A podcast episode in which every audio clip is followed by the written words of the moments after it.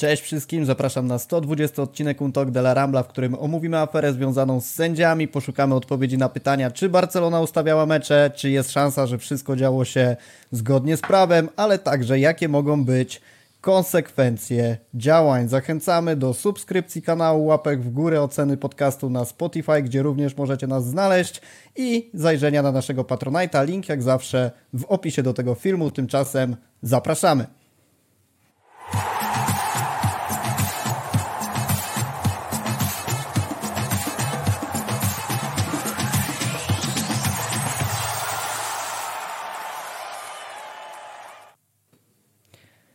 Michał Gajdek, Błażej Gwozdowski, Siemanko panowie. Cześć Rafał, cześć, Cześć. wszystkim. Musimy sobie zacząć rozmowę od najbardziej ekscytującego widowiska, wydarzenia, jakie ma obecnie miejsce w Hiszpanii. Wszyscy o tym rozmawiają, wszyscy o tym mówią. Panowie, jakie emocje po spotkaniu z Kadyksem? E, to może ja zacznę. E, no nie było to najbardziej ekscytujące spotkanie, które miałem okazję oglądać na żywo, szczerze mówiąc. E, gdzieś tam mi się zaczęło trochę przysypać, szczerze mówiąc, pod koniec pierwszej połowy prawie, że więc e, bardzo się cieszę, że udało się jeszcze przed przerwą zdobyć bramkę, a potem drugą. Natomiast no, mam wrażenie, że jakbym wyszedł po pierwszej połowie z tego meczu, to chyba niedużo bym stracił, takie przynajmniej odniosłem wrażenie. Już e, czekałem troszkę na, na jego koniec, bo rzeczywiście były to takie no, typowe dożynki. Błażej, jakieś emocje towarzyszące temu, że Pablo Torre nie wszedł w końcówce? No to był pierwszy mecz, jakiego nie oglądałem na żywo, tylko obejrzałem sobie z odtworzenia, już znając y, opinię na ten temat, więc byłem przygotowany na to, co mnie czeka, więc być może dlatego nie byłem aż tak bardzo rozczarowany. Ale obejrzałem sobie ten mecz tak troszkę inaczej niż zwykle, bo patrzyłem głównie na Ferrana Torresa i, e, i Roberto i biorąc pod uwagę to, czego się najbardziej obawiałem, to ten mecz nie był taki zły, bo i, i Ferran wypadł moim zdaniem genialnie.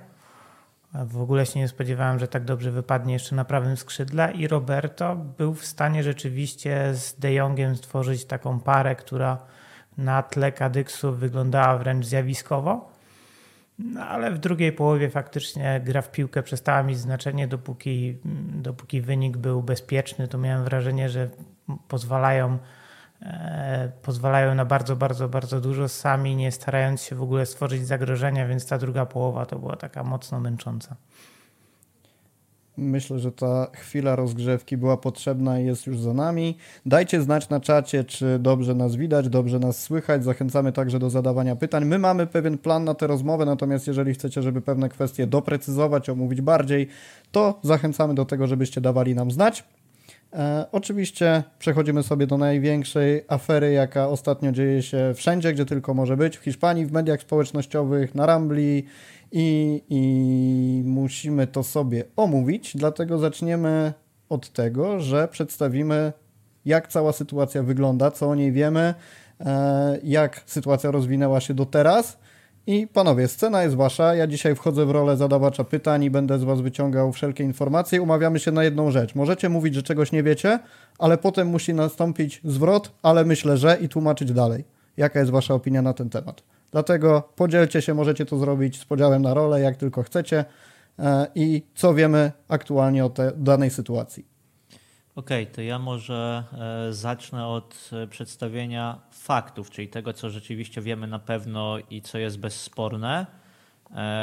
I tak mi się wydaje, że rzeczywiście faktów, czyli no tego, co mm, ciężko jest inaczej. Każdy może sobie to zinterpretować jak chce, natomiast takie rzeczywiście wydarzenia zaistniały i moim zdaniem, i to będę tutaj podkreślał wielokrotnie, są to już wydarzenia wystarczające, żeby stwierdzić, że doszło rzeczywiście do skandalu. E, mamy do czynienia z taką sytuacją, zakładam, że każdy ją już śledził, więc e, tak tylko pokrótce, mm, że niejaki pan Jose Maria Enriquez Negreira, e, były sędzia, a później wiceprezes Komitetu Sędziowskiego w latach 94-2018, posiadał spółkę Dasnil 95. I ta spółka Dustin 95, jak się okazuje, została stworzona właściwie tylko po to, żeby FC Barcelona mogła przelewać tam pieniądze. E, przedmiotem badania jest to, że w latach 2016-2018 Barcelona przelewała tam około 500 tysięcy euro rocznie. E, co ciekawe, płatności skończyły się w momencie, w którym pan José María Enriquez Negreira przestał być w komitecie sędziowskim. Ta spółka jest praktycznie już teraz wygaszona, a dlatego mówię o tym, że ta spółka istniała tylko po to, żeby te płatności przyjmować, bo tak naprawdę to było około 95% co roku jeżeli chodzi o wysokość przychodów, czyli ta spółka tak naprawdę nie miała żadnych innych przychodów, żadnych innych klientów niż FC Barcelona. Łącznie okazuje się, że to nie chodziło o te trzy lata. Te trzy lata są przedmiotem e, badania przez prokuraturę, e, jeżeli chodzi o tę spółkę, gdyż no niestety, ale chyba chciała przeoszczędzić na podatkach i dlatego cała sprawa wyszła. Natomiast łącznie mówi się, że, mm, płaci, e, że te opłaty pojawiły się w 2001 roku i trwały do 2018, czyli mamy tutaj no 17 czy 18 lat i łącznie jest to kwota prawie 7 milionów euro. E, natomiast e, klub pytany o to, czy jeżeli chodzi o oficjalny powód, e, dla którego te płatności miały być wykonywane, klub wydał takie oświadczenie, zgodnie z którym miały być to raporty przygotowywane przez tę firmę na początku dotyczące młodych zawodników, raporty scoutingowe, a potem raporty dotyczące sędziów, czyli ich zachowania i tak dalej. No i to jest tyle chyba tak mi się wydaje, jeżeli chodzi o bezsporne fakty. Tutaj wszystkie strony to przyznają, to znaczy klub to przyznał, że rzeczywiście te umowy e, były. E, pan Negreira jest nieosiągalny, natomiast e, takie są też ustalenia prokuratury czy, to, czy Urzędu Skarbowego. No i tutaj tak naprawdę kończymy, jeżeli chodzi o fakty. Więc nie wiem, może oddam głos Błażejowi, żeby powiedzieć, co jest oczywistym związkiem, który można wyciągnąć z, z tych faktów. Znaczy taki najbardziej oczywisty to jest, że mój pierwszy wniosek, który mi się nasuwa, że dobrały się dwie znakomicie przygotowane do tego procederu strony, bo chyba w głupszy sposób tego zrobić się nie dało. E, bo raz, że faktycznie nie było kontraktu, z tego co wiemy, dwa, że faktycznie e, nie, spółka, która nie miała żadnych kosztów, z tego co wiemy, postanowiła w jakiś tam sposób oszczędzić na podatku, nawet nie mam pomysłu w jaki, e, od razu będąc nacenzurowanym. I jak sobie na to wszystko tak patrzę i na kwotę, o których rozmawiamy, które łącznie tam mogły nawet przekraczać 7 milionów euro, tak jak no, dzisiaj to sobie jeszcze dokładnie czytałem, no to ja mam osobiście pewne obawy, że, że to mogło być e, między innymi w celu wpływania na pracę samego komitetu, no ale to są jakieś tam moje obawy. Faktycznie trudno tutaj mówić o tym, że dane to jednoznacznie e, określają. E, ja I... może, przepraszam, tylko pozwolę mm -hmm. się mhm. sobie od razu wciąć, bo zawsze, jeżeli będę coś wyłapywać, bo nie ukrywam, że poświęciłem niestety sporo czasu na to, żeby dotrzeć samemu do pewnych źródeł i właśnie jednym z takich popularnych elementów jest to, że spółka nie miała żadnych kosztów, to co powiedziałeś, to jest gdzieś powielane. Nie do końca rozumiem, o czym miałoby to świadczyć, natomiast ja sobie zerknąłem na sprawozdania finansowe e, Dustnil w latach 2015-2018. 2015 to, jest, e, to są wpływy na poziomie 264 tysiące euro, e, a jeżeli chodzi o to, ile w spółce zostało, ile miała zysku, to było 65 tysięcy. 2016 to jest 567 tysięcy, czy mamy wzrost o ponad 300 tysięcy i jednoczesny wzrost kosztów o 130 tysięcy do 197 tysięcy. 2017 562 tysiące do 200 304 tysięcy i 2018 329 tysięcy e, i tutaj mamy 30 e, tysięcy e, tutaj mamy 30 tysięcy zysku. Tak więc tak naprawdę tego zysku w spółce nie zostawało aż tyle, jak można by się było wydawać właśnie po tym, że spółka nie miała żadnych rzekomo wydatków i to są dane, które są publicznie dostępne. Można sobie zamówić taki raport, sprawozdanie finansowe tej spółki. A przekładając tylko... to na prosty język, co to oznacza dla całej sprawy? No myślę, że to tylko doprecyzowanie bardziej, bo do spra tak. dla sprawy to nie ma wielkiego znaczenia, natomiast inna sprawa to jest, jakie to były koszty, bo być może to były wynagrodzenia na przykład zarządu albo wynagrodzenia osób, które były w ten proceder bezpośrednio zaangażowane, a wtedy faktycznie możemy mówić o jakimś próbie ominięcia opodatkowania, bo, bo być może stąd w mediach był taki, a nie inny przekaz, że tych kosztów faktycznie nie było. Tak, nie, nie, ja tylko mówię o tym po prostu, że, żeby wyłapać to, że wiesz, że część rzeczy na, na samym wstępie, że część rzeczy, które są powtarzane w mediach i które już się przebiły do tego mainstreamu, nie mają nic wspólnego z rzeczywistością, gdy się po prostu spojrzy na dokumenty, co moim zdaniem, to potem będziemy o tym mówić, ma duże znaczenie. Um, Michał, to ja bym jeszcze nawiązał do jednej rzeczy, którą powiedziałeś na podcaście razem z Adrianem w ramach działalności No Camp No i odnosi się ona, popraw mnie jak się mylę, do ustawy 112 ustawy o sporcie. I to jest sytuacja, to jest ustawa, która została wprowadzona, która weszła w życie w grudniu 2022 roku. I jedną z teorii, która gdzieś przewijała się przez media, cicho bo cicho, ale takie pojedyncze głosy były, że została ona wprowadzona, żeby całą tą sytuację związaną z Barceloną i z sędziami zamaskować. Ty tam wspomniałeś, że to odnosi się dosłownie do, o, do przedawnienia, że to przedawnienie obowiązuje tak naprawdę od 30 lat.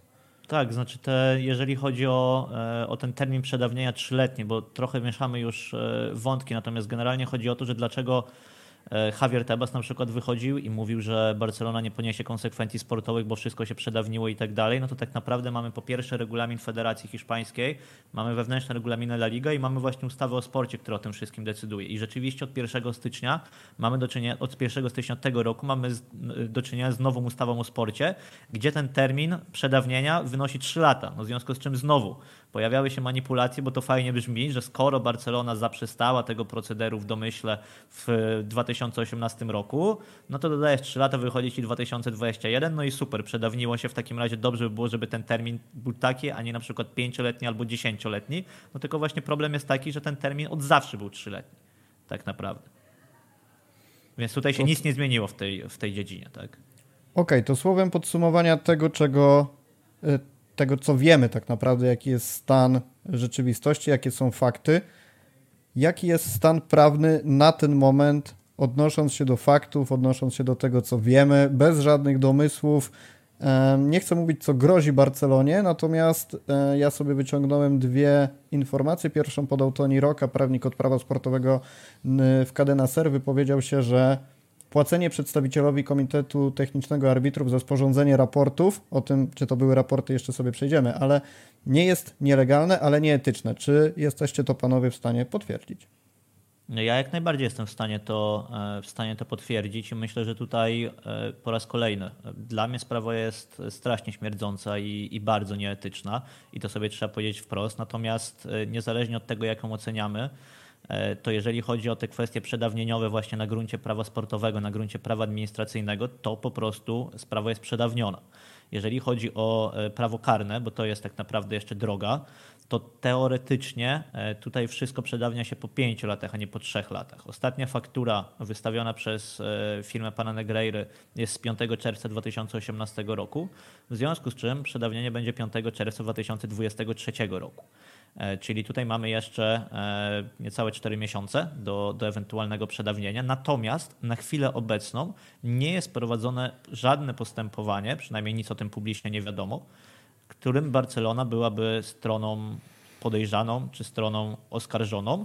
E, dla mnie dzisiejsza informacja, która została ujawniona przez El Mundo, była o tyle mm, zaskoczeniem, że szczerze mówiąc myślałem, że to troszkę może dlatego, że e, po prostu ta sprawa teraz wyszła, tak? I dopiero e, Urząd Skarbowy czy prokuratura zaczęła się zajmować panem Negreirą, no i za chwilę przyjdzie czas na FC Barcelonę. Tylko z dokumentów, które dzisiaj zostały ujawnione, czyli z wewnętrznej korespondencji FC Barcelony, e, wynika, że Urząd Skarbowy się zwracał do Barcelony po to, żeby wyjaśnić te kwestie w styczniu 2021 roku. Tak więc od ponad dwóch lat jest wiadome Urzędowi Skarbowemu, prokuraturze, jak również FC Barcelonie, że rzeczywiście postępowanie takie jest prowadzone przeciwko panu Negrejrze, natomiast nie ma na chwilę obecną żadnego postępowania przeciwko Barcelonie. Żeby takie postępowanie się pojawiło, e, to nie wystarczy, właśnie tak jak powiedział cytowany przez Ciebie prawnik, stwierdzić, że te płatności były, bo te płatności były i o tym już wszyscy doskonale wiemy. I nawet nie chodzi o kwestię przedawnienia, tylko chodzi o to, że e, karane jest nie sam fakt płatności, tylko płatności dokonywanych w celu wpłynięcia na wyniki ligi.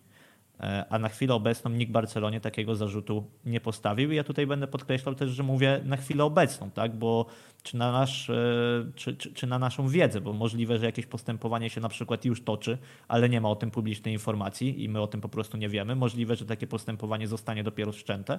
Natomiast na podstawie tych informacji, które my posiadamy, to takiego postępowania nie ma. To przechodzimy sobie do mięsa, czyli do tego, czego może niekoniecznie wiemy, ale jakie są nasze opinie na pewne tematy. I zaczniemy sobie takim pytaniem, czy w ogóle wierzycie w taką narrację, że tutaj wszystko jest ok, że nie było żadnej korupcji, nie było przekrętów, Barcelona ma w 100% rację, że działo się wszystko legalnie i możemy rozejść się do domu.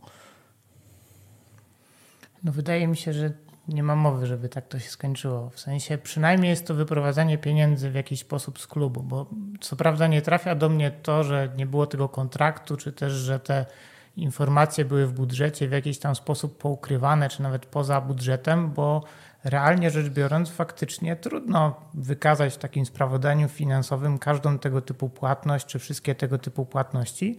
Można się oczywiście postarać je w taki sposób e, ująć w sprawozdaniu, żeby one nie były na pierwszy rzut oka widoczne. Natomiast no, ja nie traktuję tego jako główny argument czy dowód tego, że faktycznie klub próbował te płatności jakoś szczególnie ukryć.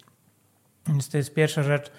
Ale to, co mnie jakby skłania ku temu, żeby jednak mieć jakieś obawy, że to były przynajmniej próby e, działania korupcyjnego, to przede wszystkim złożenie się E, do kupy wszystkiego w całość, bo nawet jeżeli mm, realnie efektu Barcelona nie osiągnęła, bo przecież to jest, może ujmę to w inny sposób.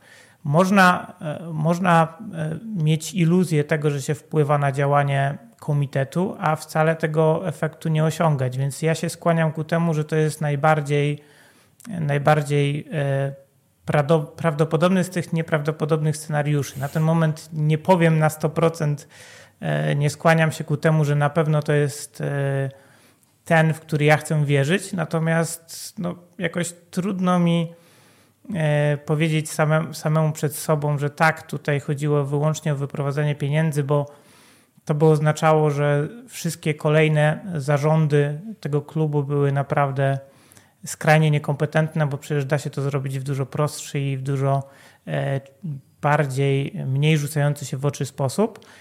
I jeszcze jest jeden scenariusz, który ja dopuszczam, że bardziej chodziło o zamknięcie ust za pewne działania, które były dużo, dużo wcześniej niż ten analizowany okres i w ogóle ta burza medialna, która jest obecnie, bo e, nawet ten szantaż, który później został ujawniony, trochę jakby na to wskazuje, że chodziło o to, żeby faktycznie więcej informacji do mediów, czy nawet do, e, do stosownych instytucji po prostu nie wyciekała.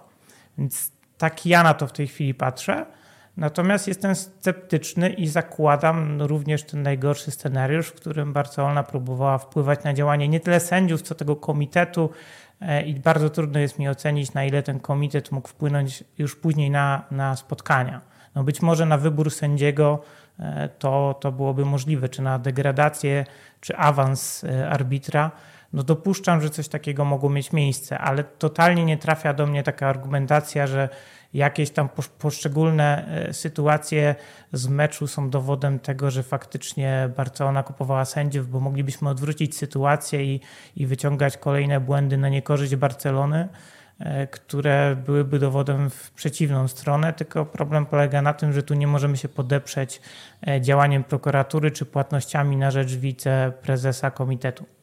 To ja może powiem tak. Dla mnie wersja, którą przedstawiał na chwilę obecną klub, czyli że zakontraktował szefa, wiceszefa arbitrów, firmę jego i jego syna, po to, żeby przygotowywali raporty o młodych piłkarzach, a potem o sędziach i tylko za te raporty płacił kilkaset tysięcy euro rocznie i robiono to przez 20 lat prawie, jest bzdurna. Po prostu. W sensie, no, przepraszam, ale nie jestem w stanie, nie jestem w, stanie w, te, w tę wersję uwierzyć i myślę, że jeżeli ktoś mówi, że nie wierzy w te tłumaczenia, to ja go absolutnie rozumiem, bo ja też nie wierzę w te tłumaczenia. Natomiast e, odbyłem dzisiaj też rozmowę na ten temat e, na Twitterze i do tej pory i nie jestem w stanie też za specjalnie zrozumieć mechanizmu, który musiałby się zadziać, żeby rzeczywiście Barcelona wpłynęła na te e, na rozgrywki tak naprawdę ligowe e, w skuteczny sposób zwłaszcza mm, w oparciu o taką kwotę, bo ta kwota gdzieś tam właśnie była takim głównym argumentem, tak mi się wydaje i i było to mniej więcej tak przedstawiane, no, że jeżeli ktoś zauważa, że ta kwota jest za mała na to, no to pada kontra, że przecież to jest duża kwota dla tego pana, dla pana Negreira, no bo to jest e, tak naprawdę kilkukrotność jego pensji. Ja wiem, że to jest duża kwota, w sensie dla każdego człowieka myślę, e, no może nie dla każdego, ale na pewno dla tego człowieka ta kwota mm, to jest po prostu duża kwota, te 500 tysięcy. Natomiast rozbijając tę sprawę na czynniki pierwsze, Przyjmijmy rzeczywiście, że Barcelona płaci panu Negrejrze przez 18 lat, na początku tam 100, potem 200, potem 500 tysięcy euro. I jaka jest konkretna wizja tego, co pan Negreira robi, żeby zapewnić przychylność Barcelonie? No bo ktoś na przykład mówi, że on mógł wpływać na sędziów, bo nie wiem, decydował o ich awansach i w ogóle. Potem się okazało, że wcale nie decydował, tylko informował, tak? czyli dzwonił, żeby im przekazać dobrą nowinę. No ale dobrze, może w takim razie niech będzie, że decydował i w ogóle. Pytanie jest podstawowe. Czy sędziowie, bo rozumiem, że mówimy tutaj o sędziach, podwładnych pana Negreiry, czy, czy sędziowie o tym wiedzieli, czy nie wiedzieli? To są dwie, że tak powiem, możliwości logiczne. Pierwsza możliwość. Sędziowie o tym nie wiedzieli. No możliwość jest absurdalna, no bo jeżeli oni nie wiedzieli o tym, że pan Negreira wywiera na nich wpływ, żeby, żeby wspierali Barcelonę, to skąd mogliby ten, temu wpływowi ulec? Tak? No przecież jakby to miało wyglądać? No więc druga możliwość jest taka, że sędziowie wiedzieli. No ale jeżeli sędziowie wiedzieli, no to tak mi się wydaje, taka konspiracja przez 18 lat na każdym poziomie tak naprawdę. No masz sędziów, to są przecież kariera sędziowska z reguły tyle nie trwa, tak? No pewnie strzelam, że dostajesz się do, do Primera Division, gdzie masz lat 30 kilka i miałeś obowiązkową emeryturę w wieku 45 lat. My mówimy o okresie, w którym tak naprawdę pokolenia sędziów przeszły. I co? I to wszystko po prostu tak sobie działało, że pan Negreira był tą, nie wiem, tym fryzjerem, tak, powiedzmy hiszpańskim, od którego absolutnie wszystko zależało i sędziowie mieli świadomość tego, że jeżeli będą sędziować e, z korzyścią dla Barcelony, e, ja nie mówię tutaj o jakichś ordynarnych ustawkach, ale generalnie powiedzmy w sytuacjach 50 na 50, jeżeli wiesz, będziesz sprzyjać Barcelonie, to będę otrzymasz nagrodę, a jeżeli nie będziesz, to otrzymasz karę. Powiedzmy, że tak było. W sensie i naprawdę ten proceder sobie tak trwa przez 18 lat pod nosem szefa pana Negreiry, czyli szefa sędziów, pod nosem całej federacji, pod nosem wszystkich sędziów. W sensie żaden z tych sędziów nigdy czegoś takiego nie powiedział. Ludzie koń, przychodzili, kończyli karierę, no mieli, jak rozumiem, łamany kręgosłup moralny, żeby po prostu ustawiać ligę non-stop. Przez całą karierę w La Liga sędziowie ustawiali ligę pod Barcelonę i generalnie nikt z tym nigdy nic nie zrobił, a teraz, gdy ten proceder się zakończył i pan Negreira już nic nie może, bo zapadł się pod ziemi od pięciu lat nie jest szefem sędziów, to żaden z tych byłych sędziów też nie wyszedł i niczego nie powiedział o tym. No szczerze, dla mnie to też nie jest sytuacja prawdopodobna, po prostu. Nie, nie, ale okay. jeśli mogę tylko no. coś dodać, to ja, ja na to patrzę troszkę inaczej. To znaczy, może zacznę od tego, żeby nakreślić trochę kontekst y, y, z, jakby z mojej perspektywy, to jeśli ja miałbym wybrać w ostatnich 25 latach dwie największe postaci hiszpańskiego futbolu ogólnie, to byłby to Leo Messi i Florentino Perez. I teraz, jeżeli byście mi kazali wybrać jednego, to powiem, że Florentino Perez, bo on oprócz tego, że już ma wiele sukcesów zdobytych wraz z Realem, to jeszcze przygotował fundamenty pod świetlaną przyszłość klubu e, w kolejnych latach. I teraz, jeżeli ktoś mi chce wmówić, że taka persona, czyli powiedzmy prezes od lat spółki, która ma przychody na poziomie 28 miliardów euro, czyli 30 razy, 30 razy więcej niż Real Madryt, dopuściłby do tego, że taki, taki proceder występuje w Hiszpanii, no to według mnie jest skrajnie naiwny. Więc ja dopuszczam taką A sytuację, Florentino że... Perez jest dużoma, wieloma rzeczami, ale na pewno nie jest to... naiwniakiem, którego Dokładnie. można nabrać i, teraz... i kupować mu ligę pod nosem za 500 tysięcy przez 20 lat. Ja jest, dokładnie, ja jestem skłonny bardziej uwierzyć w coś takiego, że owszem, odbywał się jakaś forma lobbingu, tylko że taka osoba jak Florentino Perez mógł to robić y, y, z gracją w ramach dyplomacji, która jest zupełnie naturalna, a niestety nasz klub, który jest od lat zarządzany źle, kiepsko albo tragicznie, próbował to zrobić w zupełnie inny sposób. Potrafię sobie coś takiego wyobrazić. Efekt tego był moim zdaniem mizerny. E, bardziej było to marnotrawienie funduszy, ale potrafię sobie wyobrazić, że taka była intencja. I potrafię sobie też wyobrazić, że ta intencja powstała przed laty i później pojawiło się halo, halo, wy chcecie z tym skończyć, to ja wszystko powiem. To ja doniosę do mediów, będzie burza. I wtedy no, każdy kolejny, czyli poczynając od Laporty, stwierdzał, dobra, płaćmy dalej, przynajmniej będzie spokój, bo z tego mogą być bardzo poważne konsekwencje. I dotarliśmy do roku 2018, kiedy Bartomeu, trochę podstawiony pod ścianą, stwierdził, a może mam to wszystko za przeproszeniem w D, i nie płacę. I to nawet nie chodziło o to, że on faktycznie, znaczy miało to wpływ, że on przestał e, pełnić tą funkcję, ale bardziej chodziło o to, że on już był w takiej sytuacji, że wiedział, co go czeka. Tam już finansowo wszystko było w takiej, w ta, na, w taka, taka była sytuacja, że on wiedział, w jakim kierunku to zmierza i stwierdził, dobra, nie, kończymy z tym, konsekwencje będą, jakie będą.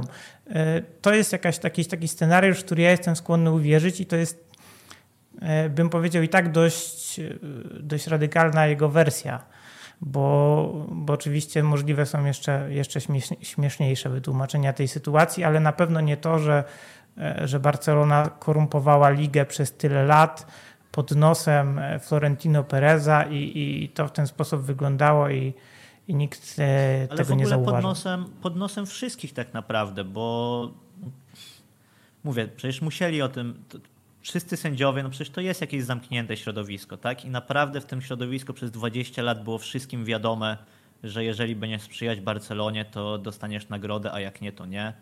No okej, okay, no w sensie, tak jak mówię, dobra, nieważne. W każdym razie, e, bo mówiłem, że nie ma takich wypowiedzi, które by wprost o tym świadczyły.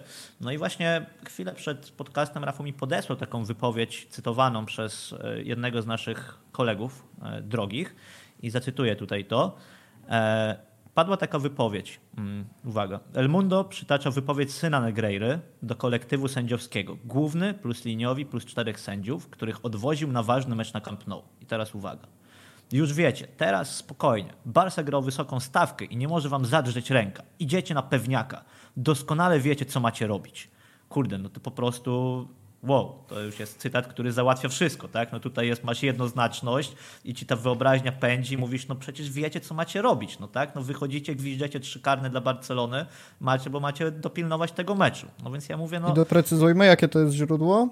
El Mundo, czyli to źródło, które, e, które posiada te wszystkie informacje i to jest bardzo, to, to jest w ogóle osobny temat, że to jest źródło, które jak widać po raz kolejny dysponuje wewnętrznymi mailami Barcelony z okresu, w którym e, prezesem był Josep Maria Bartomeu, bo teraz mamy wewnętrzną korespondencję dotyczącą e, tej umowy z panem Negreirą, ale mieliśmy też umowy z Leo Messi, mieliśmy też korespondencję z Gerardem Piqué i Jordi Malbą bodajże i tak dalej, i tak dalej. Więc tak, to tylko tak na marginesie. No więc ja mówię, kurde, to jest aż niemożliwe, żeby taki artykuł powstał, i on nie jest jedynką, tak? No bo to jest jakiś wyszperany fragmencik e, artykułu, który nie odbił się zbyt, zbyt dużym echem. W związku z czym postanowiłem ten artykuł znaleźć. Rzeczywiście go znalazłem. E, to jest artykuł, dodajmy, schowany za paywallem. Tak, to jest artykuł schowany za paywallem, więc musiałem zainwestować jedno euro okrągłe. E, artykuł napisał pan Andros Lozano i rzeczywiście pojawia się tam cała ta historia.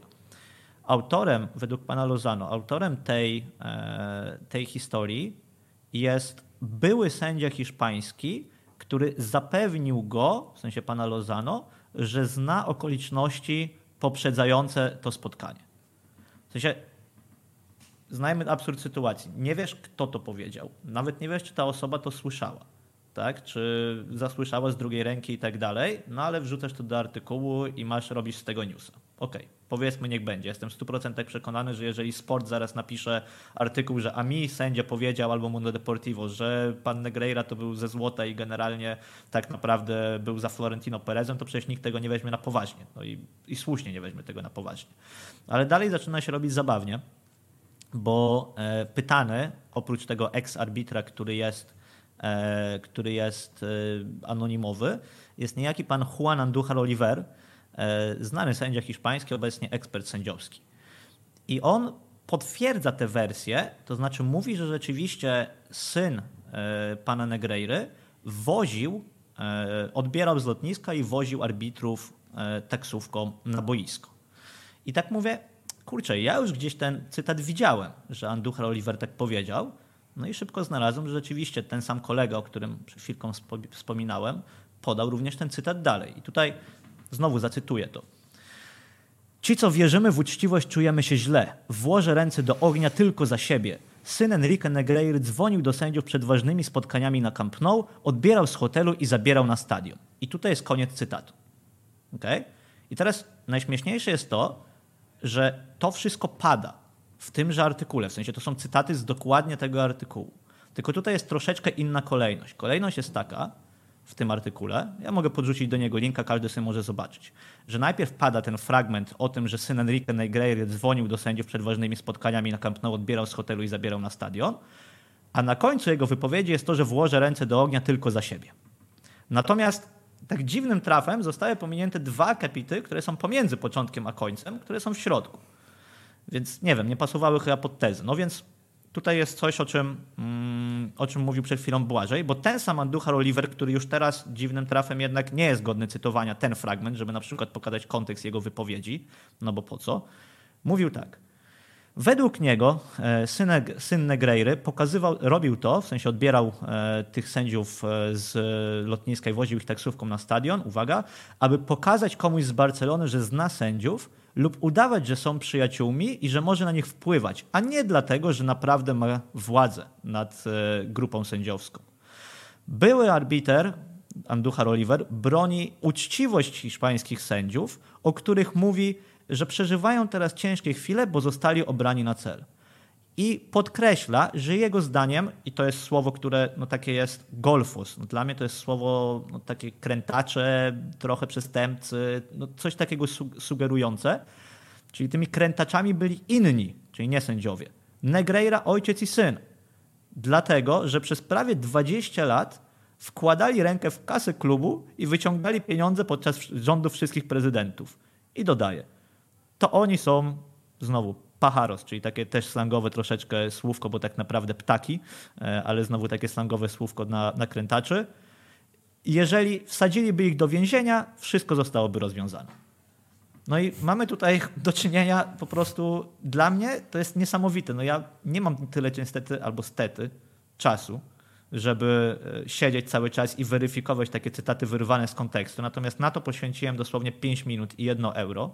I już się okazuje, że pan Anduchar Oliver który powiedział, który w tym cytacie Ci, co wierzymy w uczciwość, czujemy się źle, włożę ręce do ognia tylko za siebie. Syn Enrique Negreira dzwonił do sędziów przed ważnymi spotkaniami na Camp Nou, odbierał z hotelu i zabierał na stadion, co brzmi jak jasne oskarżenie, tak, że kurczę, on wierzy w uczciwość, czuje się źle, nie włoży, nie będzie ręczył za nikogo, tylko za samego siebie i potwierdza pewne fakty. Jest zupełnie pominięty kontekst jego wypowiedzi, w którym mówi, że absolutnie nie ma mowy o tym, żeby ci panowie, panowie Negreira mieli jakąkolwiek władzę, jakikolwiek realny wpływ, bo to już nie pasowało do kontekstu. Tak więc naprawdę bierzcie pod uwagę, to kieruję do widzów, co czytacie i komu wierzycie. E, jest Google Translate i można sobie sprawdzić taki artykuł źródłowy, bo inaczej to po prostu wychodzi właśnie tak jak teraz, że łapiecie się jakiegoś cytatu wyrwanego z kontekstu, e, który przeczy sensowi wypowiedzi i podajecie to dalej i wszyscy są zadowoleni, a potem się właśnie powiela, to powiela na coraz większą skalę, no i wychodzi jak wychodzi. Tak jest. I my z naszej strony obiecujemy dopuszczać na fcbarsa.com tylko wiarygodne źródła i potwierdzone informacje. Dostałem informację natomiast ja teraz, że jest sporo osób dzisiaj z nami, także bardzo dziękujemy. E, subskrypcje, łapki w górę, lajki i tak dalej zawsze mile widziane. Natomiast co do pytań na czacie, które się pojawiają, tak jak powiedziałem i też tak jak Magda zakomunikowała w pewnym momencie, E, oczywiście je widzimy, natomiast mamy pewien plan na rozmowę, dlatego część z rzeczy, o które pytacie, padnie później. Te, które nie padną, odniesiemy się do nich w odpowiednim momencie. Panowie, chciałbym jeszcze wbić jedną szpilkę w Barcelonę, bo pojawił się argument o tym, że zaprzestanie płacenia Negrejrze, czy też spółce Negreiry było spowodowane oszczędnościami klubów. W 2018 roku, no myślę, myślę, że wasze miny już zdradzają, jaki będzie wasz dalszy komentarz, ale czy w ogóle jest jakakolwiek szansa, że to była prawda? W sensie, mam na myśli to, że oczywiście te wszystkie transfery, setki milionów wydane, żeby potraktować to jako jedną skarbonkę, a wydatki, na nazwijmy to raporty, czy jakkolwiek to rozumieć, jako drugą skarbonkę. I czy jest w ogóle szansa, żeby obronić, że z tej skarbonki zabieramy dużo pieniędzy, a z tej oszczędzamy i jakkolwiek to tłumaczy te działania, czy po prostu to jest kolejna bzdura? To jest niemożliwe, żeby to była oszczędność. No nie oszukujmy się, no, bądźmy poważni. Okay. Nie to było powodem zaprzestania tych płatności, tej relacji biznesowej, tak to nazwijmy. Okej, okay. w takim razie kolejna rzecz, która padła, ona została wypowiedziana przez Tusketsa, czyli dobrze nam znanego pana, który również był częścią armii Bartomeu, że wpłaty dla Negreiry nie były uwzględniane w budżecie, były zamaskowane w różnych pozycjach ekonomicznych. I co to znaczy dla przeciętnego zjadacza chleba? Jak to rozumieć? Ja może czy... to pozostawię Błażejowi oczywiście, przepraszam, do, do wytłumaczenia, natomiast e, wspomnę tylko jednej być może istotnej rzeczy, bo Carles Tusquets nam się kojarzy jako osoba, która była tym powiedzmy tymczasowym prezesem klubu, tak? w momencie, w którym Bartomeu ustąpił ze stanowiska zmuszony do tego, a byliśmy jeszcze przed wyborami. Natomiast on na to stanowisko nie został wybrany, bo tak, tylko objął je automatycznie, dlatego że on był szefem komisji ekonomicznej e, w klubie. Tak więc przez niego przechodziły wszystkie rzeczy i on musiał wydawać, wydawać tak naprawdę e, co roku opinię, czy budżet jest realizowany należycie, czy właśnie nie ma takich nieprawidłowości.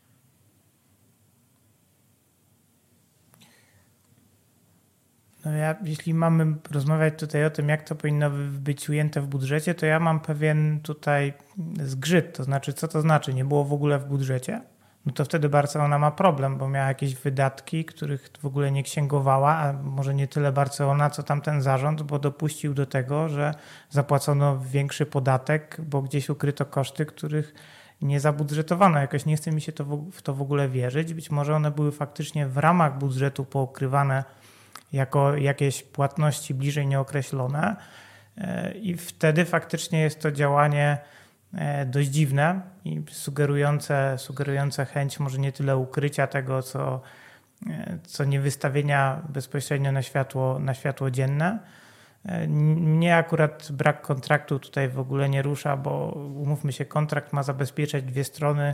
Każdą, każda ze stron ma się zabezpieczyć przed tym, żeby usługa była należycie świadczona, w przypadku, w którym gdzieś mamy, rozmawiamy o dość prostej usłudze, E, no to, no to po co taki kontrakt tak naprawdę? On tylko Stop. I teraz ci przerwę, bo to jest argument, który jest bardzo podnoszony aktualnie. To jest też informacja, która wypłynęła dzisiaj, że Barcelona nie miała tak naprawdę kontraktu. I pierwsze, co przychodzi do głowy, tak jak mówię, Szaremu Kowalskiemu, który czyta taką informację, jest to, że jest to kolejny dowód na przekręt, bo jeżeli robimy coś bez umowy, to wiadomo, że odpala nam się odpowiednia zapadka i wiadomo, jakie są tego konsekwencje. Jeżeli sobie to połączymy z kropkami, sędziowie, Barcelona, płatności, brak kontraktu, pięknie się to wszystko układa. Jak jeszcze dodamy do tego liczbę karnych podyktowanych czy niepodyktowanych, to mamy narrację przepiękną. Natomiast e, stanowisko pana Błażeja Gwozdowskiego jest takie, że ten kontrakt wcale nie był konieczny. No, moim zdaniem zdecydowanie nie był konieczny. Mógłby, mógł powstać jakiś kontrakt, który miałby regulować tą współpracę, gdyby było wiele warunków, które muszą być spełnione i klub na przykład chciałby się zabezpieczyć, bądź firma chciałaby się zabezpieczyć, jeśli chodzi o płatności. Natomiast tu tego nie było, ale oczywiście ten brak tego kontraktu i fakt, że te płatności były takie, umówmy się, dość precyzyjnie e, co do wartości e, określone, sugeruje, że no, no de facto jakieś założenia były. No i moim zdaniem ujmowanie tego w kontrakcie było po prostu nie, nie jakieś obligatoryjne, więc nie wiem, czemu mielibyśmy się nad tym skupiać. Mm, ale no, mówmy się, nie powinniśmy się w ogóle nad, nad tym w tej chwili zajmować, bo to, co mi się rzuca na pierwszy plan, to przede, przede wszystkim nieudolność zarządu przez te wszystkie lata. I jeśli chodzi o mnie, to jeżeli klub poniesie jakiekolwiek konsekwencje z tego tytułu, już pomijam faktycznie straty wizerunkowe, które są oczywiste, ale jeżeli poniesie jakieś choćby minimalne konsekwencje z tego tytułu, to moim zdaniem pierwsze, co bym chciał, ja, pierwsze, co ja bym chciał zobaczyć, to dymisję żona Laporty po prostu dla zasady. Ja, do, ja oczywiście rozumiem, że w Hiszpanii takie rzeczy dzieją się rzadko, ale ja czuję się po prostu w tym momencie może nie tyle oszukany, chociaż to też jest dobre słowo, e, co zażenowany takim postępowaniem i jeżeli jakiekolwiek konsekwencje poniesie klub, to to jest pierwszy krok, jaki, jaki powinien e, Jean Laporta wykonać. E, taka jest moja perspektywa. To słuchajcie, przeczytajmy sobie dwa komentarze, bo one odnoszą, odnoszą się właśnie do tematu umowy czy też kontraktu. Michał pisze, szkoda tylko, że klub ledwo co podał, że mieli umowę. I to jest o tyle ciekawa kwestia, że ja się zastanawiam, czy padły jakieś ale to jest nowe. znowu. Nie no, moment, ale to jest właśnie znowu. Nie wiem, jak to określić. Niezrozumienie tematu, bo skąd Dlatego się wzięło, wywołuję. sko, skąd się wziął ten komentarz El Mundo w ogóle? Znaczy inaczej. Klub napisał w swoim komunikacie, że zamawiał usługi. Tak? Kontraktar. To jest czasownik po hiszpańsku. Zamawiał usługi od pana Negreiry. Najpierw te raporty, a potem inne raporty. Mówię, co klub powiedział. Nie mówię, że w to wierzę, żeby było jasne. A dzisiaj El Mundo wychodzi z mailem, w którym wewnętrzną korespondencją Barcelony, w którym ktoś tłumaczy właśnie komuś innemu i mówi: Nie mamy pisemnej umowy. To są dwie różne rzeczy. To nie, oni nie powiedzieli teraz, w sensie naprawdę, no ja nie widzę tutaj sprzeczności. Nikt teraz nie powie, nikt nie, nie jest tak, że ktoś powiedział wcześniej, mieliśmy umowę, a teraz nagle mówi, nie mamy umowy. Nie, wcześniej mówił, że kontraktowali i dalej mówi, że kontraktowali, tylko teraz jest, nie ma po prostu pisemnej umowy. Ta umowa może istnieć na zasadzie, nie wiem, maila na przykład, tak? Nie wiem, czy w 2001 roku, bo o takich latach mówimy, jakie były, szczerze mówiąc, realia i praktyka e, w takich kwestiach. Natomiast ja totalnie jestem sobie w stanie wyobrazić w takiej formie, e, że przyjmując znowu, że to jest wszystko naprawdę uczciwe i nie mówię teraz o, e, o tym, w co ja wierzę albo w co ja nie wierzę, bo jak mówię, ja w teorię z raportami nie wierzę, ale przyjmując, że rzeczywiście klub, nie wiem, chciałby sobie zamówić takie raporty scoutingowe, no to mówi, słuchaj, no będziesz mi dawał takie raporty sędziowskie, a za ile? A za 20 tysięcy euro miesięcznie. No dobra. I co? I jak miałaby wyglądać umowa na to? W sensie w umowie miało być napisane tak, paragraf pierwszy, klub zleca, a, pan Negreira przyjmuje do wykonania raporty sędziowskie. Wynagrodzenie będzie 20 tysięcy euro, koniec. I co, jeżeli to zapiszemy na, na kartce papieru, a nie na przykład w mailu, to wtedy wszystko jest ok, tak, bo jest umowa. No przepraszam bardzo, ale ja tutaj naprawdę nie rozumiem za specjalnie o co chodzi. Ktoś powie, ok, to jest duża kwota. Zakładam, że klub powinien mieć wewnętrzne regulacje co do tego, gdzie powinna się pojawiać umowa rzeczywiście na piśmie i od jakiej kwoty, żeby było wiadomo. Natomiast dla mnie, szczerze mówiąc, Błażej powiedział o tej nieudolności. Ja szczerze mówiąc no nie uważam Bartomeu zwłaszcza za bardzo udolnego krętacza. E, natomiast już jego poprzednika, na przykład Sandor Roseja tak. I raczej bym się zastanawiał, czy jeżeli robisz coś takiego, to po co to robisz tylko na podstawie faktur rzeczywiście? W sensie, jeżeli chcesz coś takiego zrobić, czyli mówisz, dobra, słuchaj, ustawię ligę, będę ci płacić niby za raporty, no to ja, tak mi się wydaje, nie wiem, nigdy nie ustawiałem ligi, ale pierwsze, co bym zrobił, to bym powiedział, słuchaj, raporty mają przychodzić co miesiąc, będzie to wszystko kwitowane, będzie korespondencja o tym, że to będzie oceniane. Tutaj jest piękna umowa, w tej umowie będzie napisane, czemu ty raporty te, te wykonujesz, a nie ktoś inny, bo masz super doświadczenie, będziesz nam pokazywać, jaki jesteś nam potrzebny, a na to będziesz wystawiał faktury. A tutaj mamy pomieszanie z poplątaniem i mamy fakturę, ale nie mamy niczego innego. No ludzie kochani, no. I to rodzi pytanie, dlaczego tak było? Nie wiem, nie mam zielonego pojęcia, szczerze mówiąc. W sensie jedyne, co mogę powiedzieć pod tym względem, to jest nieudolność po raz kolejny. Tak naprawdę i to wszystkich, mówię, e, zarządów po kolei, bo tak naprawdę nie wiadomo od kiedy dokładnie e, ta umowa obowiązywała, tak? Umowa czy te ustalenia obowiązywały, tak? E, jeżeli obowiązywały, bo, bo wiemy, że na pewno dotyczyła to Bartomeu, na pewno, na pewno dotyczyła Sander Roseja, na pewno dotyczyła poprzedniej kadencji Joana Laporty, na pewno dotyczyła Joana Gasparta, natomiast możliwe jest, że ona w ogóle była jeszcze wcześniejsza od historycznego prezydenta klubu pana José Luisa Nuneza, no a od niego niestety się nie za dużo dowiemy, bo w 2018 roku zmarł. I no nie wiem, no. Dobra, Ja ja się- ja- sobie. No, no, śmiało, Ja śmiało. się najbardziej składam ku temu, że w przeszłości tkwi wyjaśnienie tej, tej, całej sytuacji. To znaczy, nie wiemy, co się działo dokładnie, pewnie się nie dowiemy. Natomiast e, to była jakaś forma płatności za milczenie. To jest dla mnie najbardziej logiczne wyjaśnienie, bo jeśli chodzi o, o to, w jaki sposób Ale można czekaj, było... milczenie o czym? Milczenie No w właśnie jakiej nie wiem. sprawie?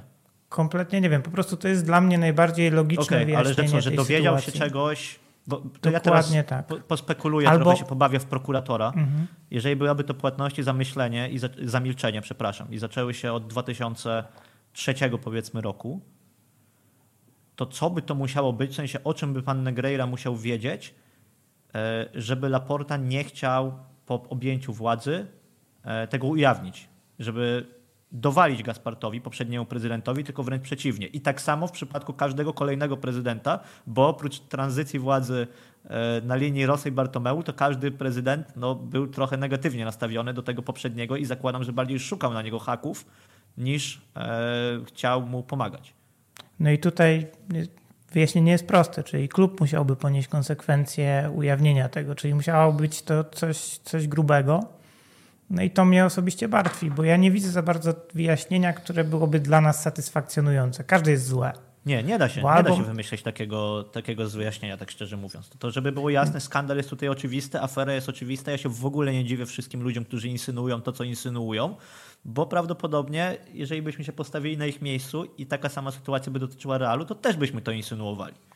No tak, tylko ja jestem jakoś spokojnie przekonany, że gdyby Florentino Perez miał opłacić e, wiceszefa komitetu, to wyglądałoby to tak, że córka albo synowa tego, e, tego całego e, wice, wiceprezesa kupiłaby po promocji cztery mieszkania, które jakaś spółka celowa, deweloper postawiła gdzieś w Badalonie, a, a których wykonawcą była firma Hochtief, która jest częścią koncernu ACS, którego prezesem jest Florentino Perez.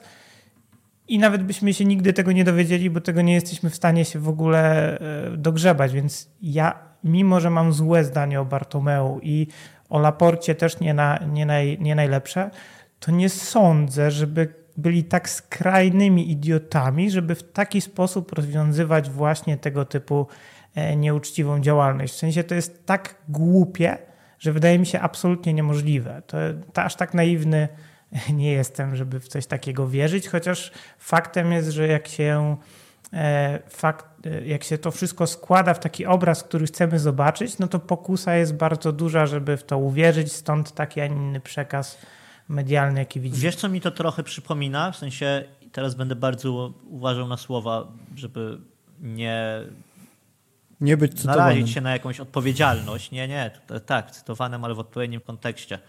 Mieliśmy naszą polską aferę fryzjera. e, No i ja przyznam szczerze, że nie wiem, nie jestem jakimś ekspertem w dziedzinie afer korupcyjnych, tak sobie trochę próbuję to też odnosić do tego, co było u nas. I między innymi o tych kwotach mówię i o tym, jak to było wysoce czy dalece zakrojone, tak? Ile osób trzeba było zaangażować w to, żeby tę ligę ustawić i tak dalej, i tak dalej, tak? To nie było tak, że był jeden wiceprezes e, kolegium sędziowskiego w PZPN-ie i generalnie wszystko było załatwione. Natomiast no, sprawa naszego byłego trenera już reprezentacji.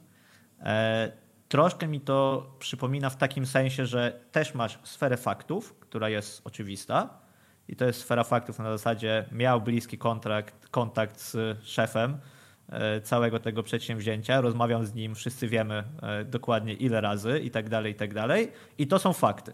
I teraz z tych faktów tak naprawdę wyprowadzać już domysły i część osób wierzy, że rzeczywiście, tak jak on się tłumaczył, to są wszystko zbiegi okoliczności, a naprawdę rozmawiali, już nie pamiętam o czym, o pralce dla żony, tak? Coś w tym rodzaju było e, w tych tłumaczeniach i tak dalej, a część osób uważa, że no, nikt go za rękę nigdy nie złapał, natomiast ewidentnie mamy tutaj do czynienia, bo widać jak to wygląda, tak? I wspólne płaszczyzna też jest taka, że ostatecznie tutaj, jak wiadomo, prokuratura nie postawiła mu żadnych zarzutów. Proszę obejrzeć program Hate Park. Wszystko tam pięknie wyjaśnił. E, I myślę, że tutaj też nigdy tak naprawdę, nie wiem, no może się mylę i tak jak mówię, jakieś postępowanie już się toczy albo będzie się toczyć, natomiast zawsze już będziemy mieli do czynienia właśnie z tymi domysłami. Tak? I to jest coś, za co jestem wkurzony niesamowicie na wszystkich e, rządzących Barceloną przez te wszystkie ostatnie lata, przez ostatnie lata, przez tak naprawdę dwie dekady, że tak jak Błażej powiedział, to jest tak wszystko nieudolne, że w sensie ja już nawet nie wiem, co jest gorsze, tak po prostu z perspektywy nie wiem, jak to powiedzieć, no, czy, czy uwierzyć, że, że oni kupowali tę ligę i próbowali zrobić to w tak durny sposób, czy że wręcz przeciwnie, nie kupowali ligi, ale uznali, że to będzie świetny sposób, że to będzie świetny pomysł, żeby zatrudnić do robienia raportów sędziowskich albo do wyprowadzenia pieniędzy z klubu wiceprezesa Komitetu Sędziów. Ja naprawdę, no, tak jak Błażej powiedział, nie znajduję tutaj, w sensie fajnie, że klub zleca jakieś tam dochodzenie i że zleca je na zewnątrz, nie robi tego samemu, tylko rzeczywiście będzie tutaj niby dążył do, do tego, żeby się dowiedzieć, o co tak naprawdę w tej sprawie poszło, ale ja nie potrafię sobie wyobrazić, żeby mnie jakkolwiek przekonało i uspokoiło zakończenie tego śledztwa. W sensie prawda jest taka, że nawet jeżeli, ja nie mówię, że tak jest, ale nawet jeżeli to było robione w 100% uczciwie, w dobrej wierze i tak dalej, to i tak efekt jest taki, że ten smród będzie się za Barceloną ciągnąć już tak naprawdę na zawsze, tak? Jeżeli chodzi o ten okres. I tego się nie pozbędziesz. Przejdźmy sobie do pytania, bo ono jest bardzo ciekawe. Ja je doprecyzuję o jedną swoją rzecz.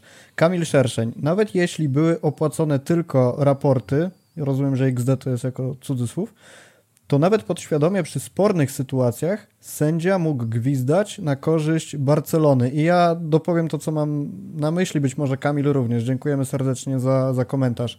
Nie sądzicie, że jeżeli pojawia się taka opcja, że można ubić jakkolwiek rozumiany interes z Barceloną, to nie musi być to nawet ustawienie meczu, ale właśnie przykładowo jakiś tam sędzia XYZ, żeby nie podawać nazwisk, może dojść do wniosku, że ok, jak teraz gwizdnę im karnego, to będziemy mieć przychylniejsze relacje, w związku z tym lepiej będzie nam się układała ta współpraca i finalnie i my, i oni, przede wszystkim my, wyjdziemy przy tym korzystnie.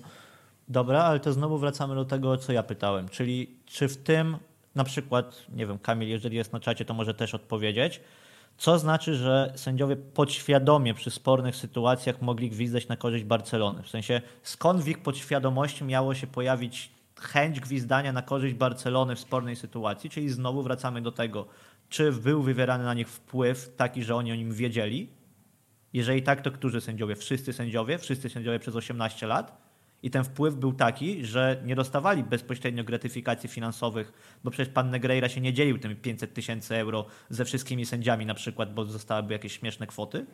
Tylko dlaczego i dlaczego to dopiero teraz wychodzi w takich okolicznościach, a nie innych? Czyli gdyby pan Negreira nie oszukiwał, jak rozumiem, na podatkach, mówiąc wprost, to w ogóle nikt by się nigdy nie dowiedział o tym, że Liga Hiszpańska była przez 20 lat ustawiona i nigdy żadnemu sędziemu nie przyszło nawet do głowy, żeby o tym powiedzieć. Bo też widziałem takie komentarze, że no ale po co sędzia miałby sam się tutaj ujawniać, tak? I sam się oskarżyć.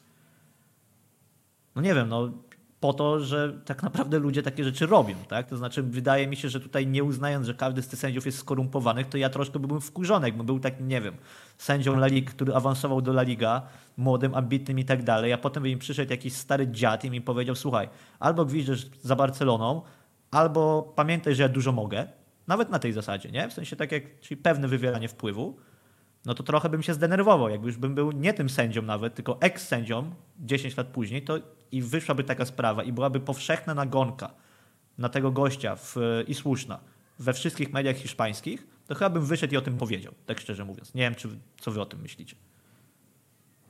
No dokładnie. Poza tym teraz sobie wyobraźmy taką sytuację, że faktycznie jest wywierana presja na arbitrów, tak jak w tym cytowanym przez ciebie artykule z El Mundo. Prosta rozmowa, wiecie co macie robić. No wychodzisz na takie spotkanie. Piękny cytat, i, przepraszam. Tak, wychodzisz na takie spotkanie i, i, i robisz to, co wiesz, że masz zrobić.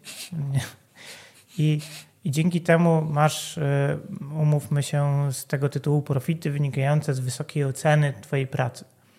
No ale po drugiej stronie jest cała e, szeroka grupa innych arbitrów, którzy mają z tego tytułu dużo mniej przyjazne konsekwencje i rozumiem, że przez te już no, kilkanaście lat nie, nie było sytuacji, w której arbiter, którego kariera została w ten sposób złamana, przynajmniej po latach nie wyszedł i nie powiedział e, dość i to ja nie będę tego akceptował, powiem jak to tak naprawdę było. Jakoś nie potrafię e, w to uwierzyć. Nie, nie, to się wymyka jakby mojej wyobraźni, żeby ja też, do, tego, do inaczej, bo dojść.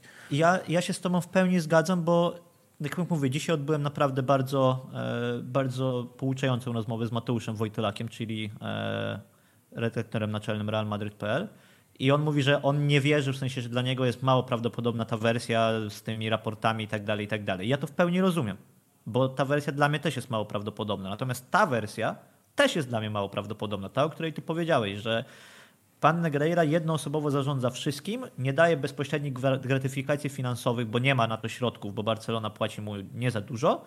No a jednocześnie nikt o tym nigdy nie mówi, łamie kariery sędziów, wspomaga innych sędziów i całe to środowisko zamknięte tak naprawdę siedzi cicho przez 18 lat w momencie, w którym nie mówimy nawet o tych samych ludziach, bo oni się zmieniają. A nawet gdyby to była prawda, powiedzmy przez chwilę, że to jest prawda, to wydaje mi się, że pierwszą i podstawową konsekwencją powinno być to, że sędzia, który popełni błąd przeciwko Barcelonie, poniesie tego konsekwencje. Tak, żeby wszyscy inni sędziowie wiedzieli, że jak pan Negreira mówi, że słuchaj, jak będziesz sędziować przeciwko Barcelonie, to ja ci pokażę, no to że on mu rzeczywiście pokaże. I ja w tym kontekście rozpatruję te wszystkie liczne błędy sędziowskie, które mm, dotykały Barcelonę na niekorzyść. Nie będę tu mówić już o tych faulach, o tej bramce słynnej z Betisem Hernandeza, Hernandeza, bo nie o to chodzi, ale taki jeden naprawdę prosty przykład i on mi się wydaje taki najbardziej symptomatyczny. Jest Liga 2013-2014. Jest ostatni mecz na Camp Nou. Barcelona gra z Atletico. Byłem na nim, Laos, cholera jasna. Mateu Laos nie uznaje prawidłowo zdobytej bramki. I to jest fakt. To nie jest interpretacja, to nie jest wyciąganie jakiejś tam kamery, nie wiadomo czego i tak dalej. To jest fakt, bo po prostu on zagwizdał spalonego w sytuacji, w której spalonego nie było. Po latach Mateu Laos po kilku latach mówi, że się pomylił, że bardzo przeprasza, nie było wtedy waru i tak dalej, i tak dalej. Wszyscy to wiedzieli. W sytuacji, w której coś takiego się zdarzyło, Barcelona opłaca sędziów, opłaca wiceszefa sędziów, żeby jej dowoził dobre rezultaty, a dzieje się coś takiego, że przegrywasz mistrzostwo i to nawet nie z Realem, tylko z Atletico, potem jak w bezpośrednio decydującym o mistrzostwie meczu zostajesz pokrzywdzony. Nie to, że ci nie pomagają, zostajesz ordynarnie pokrzywdzony, no to mi by się wydawało, że pan Laos to wtedy trafi do, nie wiem, jakiegoś czyśćca sędziowskiego i będzie zaraz jeździł na piątą ligę hiszpańską. A tu się okazuje, że co? No wszyscy wiemy doskonale co. Raczej go nie spotkały żadne szykany przez kolejne lata, tak? I co? I wszyscy inni w tym systemie też sobie tak myśleli, no kurde, no ten Negreira to rzeczywiście może nam zaszkodzić, jeżeli nie pomożemy Barcelonie. No po czym widzą, że Laos odwala coś takiego i nic mu się nie dzieje. I to też nie wzbudza niczyich wątpliwości. Tak? Kolejne 4 lata generalnie Negreira sobie ustawia ligę i, i rządzi wszystkimi sędziami. No, Michał 132 poniekąd odpowiada na twój komentarz e, i twoją opinię na czacie. Haha, przecież w ten sposób to znaczy karanie sędziów, którzy na niekorzyść gwizną najszybciej zdradzisz to, co robisz. Co za argument? No okej, okay, to w takim razie w jaki sposób, Michale 132, konkretnie w takim razie pan Negreira wywierał ten wpływ na sędziów i w czym on się przejawił? Bo ja bym chciał w końcu to bardzo usłyszeć. Naprawdę, co on robił konkretnie tym sędziom? Nie wiem, budzili się z głowami konia, jeżeli był błąd dla Barcelony, czy, czy cokolwiek. No naprawdę, no w sensie jaka jest konkretna wizja, co on z tymi pieniędzmi robił i jak wpływał na tych arbitrów? To czekamy na odpowiedź Michała w takim razie i przejdźmy sobie dalej, bo jeszcze mam bodajże trzy punkty do omówienia z Wami. E, spróbujemy sobie przez to przesurfować jak najszybciej, e, natomiast pewnie będziecie chcieli się rozwinąć. Już sobie sprawdzam. E, ciekawe słowa dotyczące tego, że Barcelona płaciła za neutralność decyzji. Czy jest to kolejna bzdurna wymówka, czy jakkolwiek można się do tego odnieść i próbować rozwinąć, doszukiwać się w tym prawdy? E, wiesz co, ja mogę zacznę od tego, e, że to jest zdjęcie z dokumentu, który rzekomo napisała skarbówka, gdzie podsumowywała to, co pan Negreira powiedział, czy zeznał podczas przesłuchania tam. I ja szczerze mówiąc, nie chcę tego absolutnie tutaj przesądzać, natomiast no już słyszałem, że to niekoniecznie jest prawdziwy dokument. E, od razu mówię i szczerze mówiąc, trochę widząc protokołów skarbówek e, też hiszpańskich, też mi się nie wydaje, żeby tak to było, e, tak to było formułowane. Natomiast mniejsza z tym, abstrahując od tego i przyjmując, że rzeczywiście ten dokument jest, jest prawdziwy, no to Przyjmijmy razie... tę gorszą tak naprawdę wersję dla Barcelony, tak mnie się wydaje, że, że to jest prawda. no to nie wiem, to też mi się jakoś kupy nie trzyma. W sensie to znowu w takim razie jest element jakiegoś szantażu yy, i tak dalej, i tak dalej, tak? W sensie nie wiem, naprawdę, naprawdę nie mam jakiejś jasnej koncepcji. Błażej? Jeśli ja, miałbym, jeśli ja miałbym przewidywać, jak ta sprawa się dalej rozwinie, to my się dowiemy niedługo, że Barcelona próbowała poprzez e, taką, a nie inną współpracę lobbować za wyrównaniem sprawiedliwości, jakby uzyskaniem sprawiedliwości e, w komitecie e, sędziowskim, który był zdominowany przez promadryckie, stronnictwo. i w takim kierunku będzie to zmierzać, tylko że nie będzie absolutnie żadnych dowodów na to, że rzeczywiście miało to jakikolwiek wpływ, a tego typu dokumenty i wypowiedzi to będzie tylko właśnie taka forma, e, forma ubarwienia e, całości. Ja nie jestem podobnie jak Michał. Ja nie wiem, w jaki sposób to miałoby się odbywać. Jestem skłonny jeszcze uwierzyć w coś takiego, znaczy może inaczej.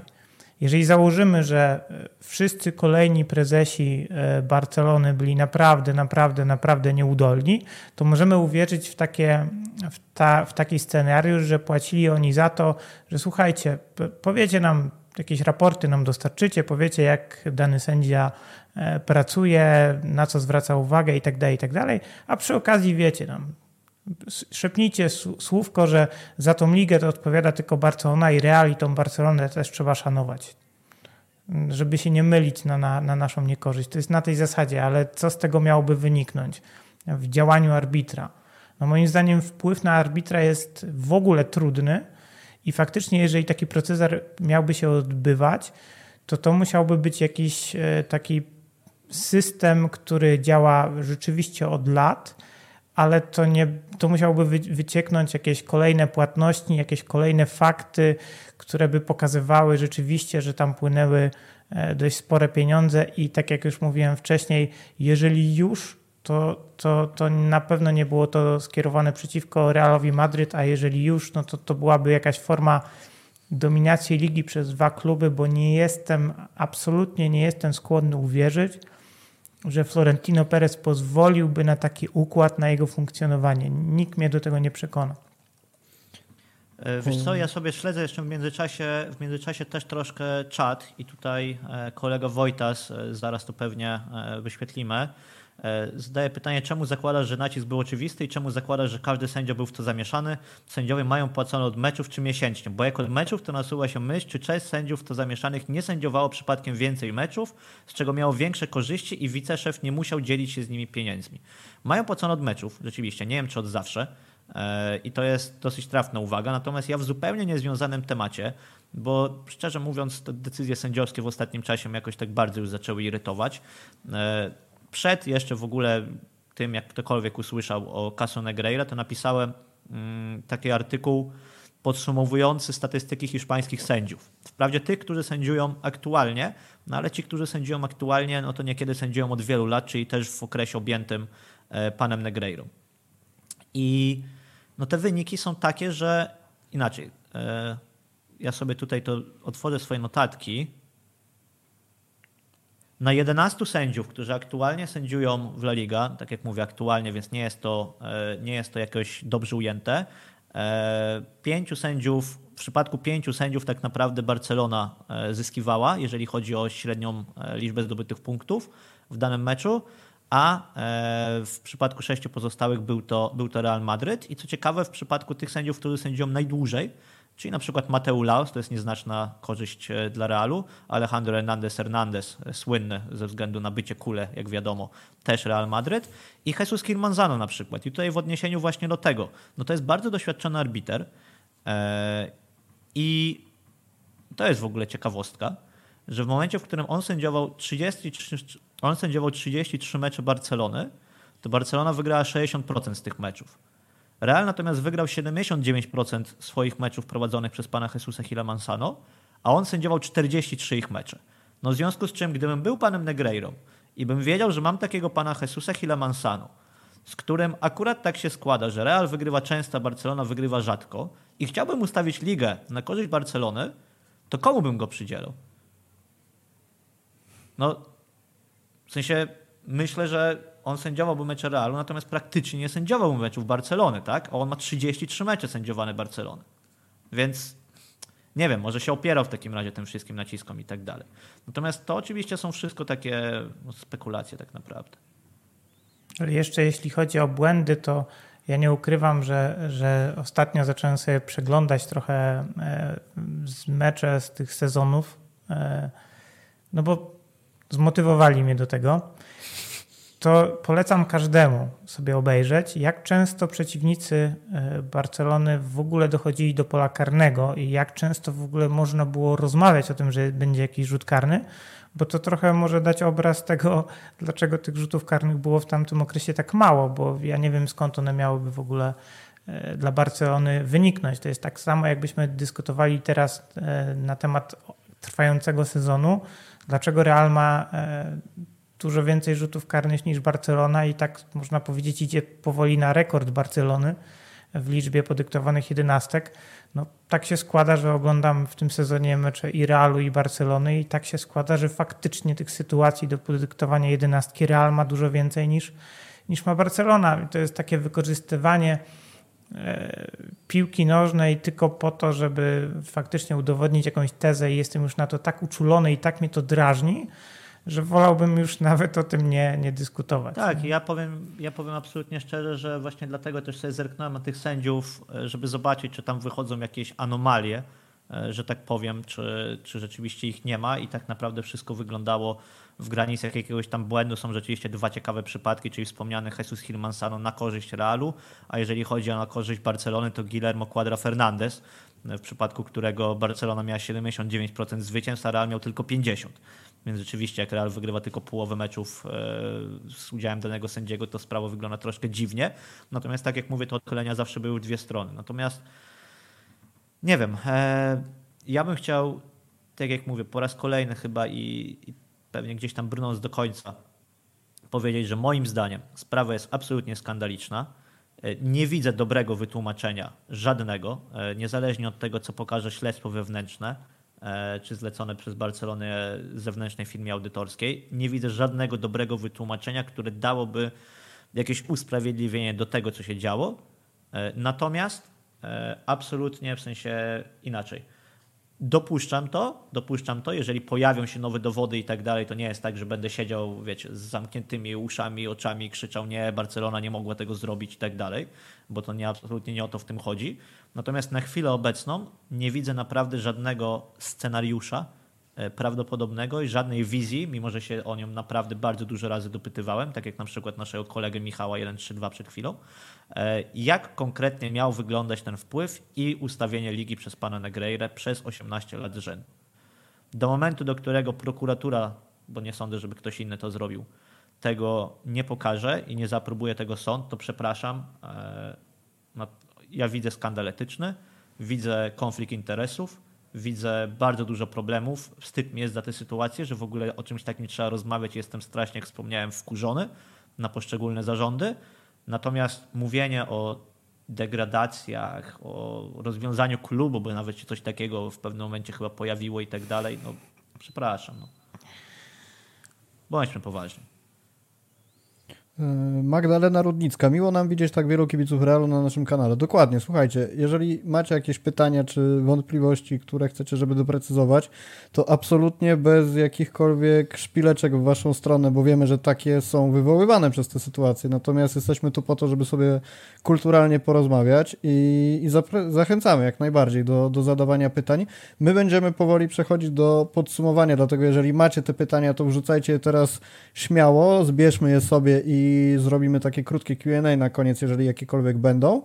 E, od razu odpowiem, że kwestii dotyczących Winiego, Fatiego, Lewego e, nie dotykamy dzisiaj, bo jest to zupełnie nie na temat, ale dzięki za pytania e, odniesiemy się do nich na pewno w kolejnych odcinkach, a te już niedługo.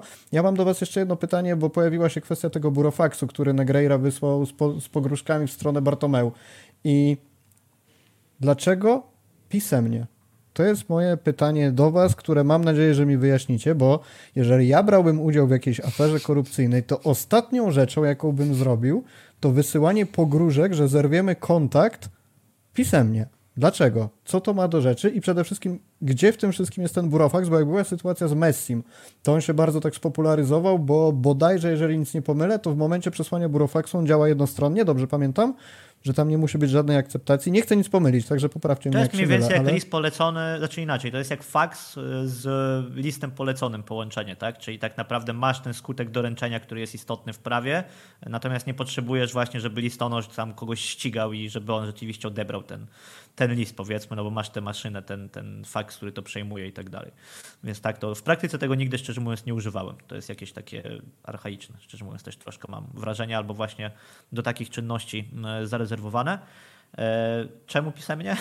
Nie mam pojęcia. W sensie dla mnie to też jest szokujące, bo ci sami ludzie, którzy mówią, że w sensie inaczej, jak ja mówię, że czemu żaden były sędzia nie wyszedł na przykład i nie powiedział, że tak było, to oni mówią, no bo kto jest taki głupi, żeby się samemu obciążać. I ci sami ludzie nie widzą tego, że pan Negreira też może nie powinien być na tyle głupi, żeby grozić Bartomeu. Czym on mu grozi?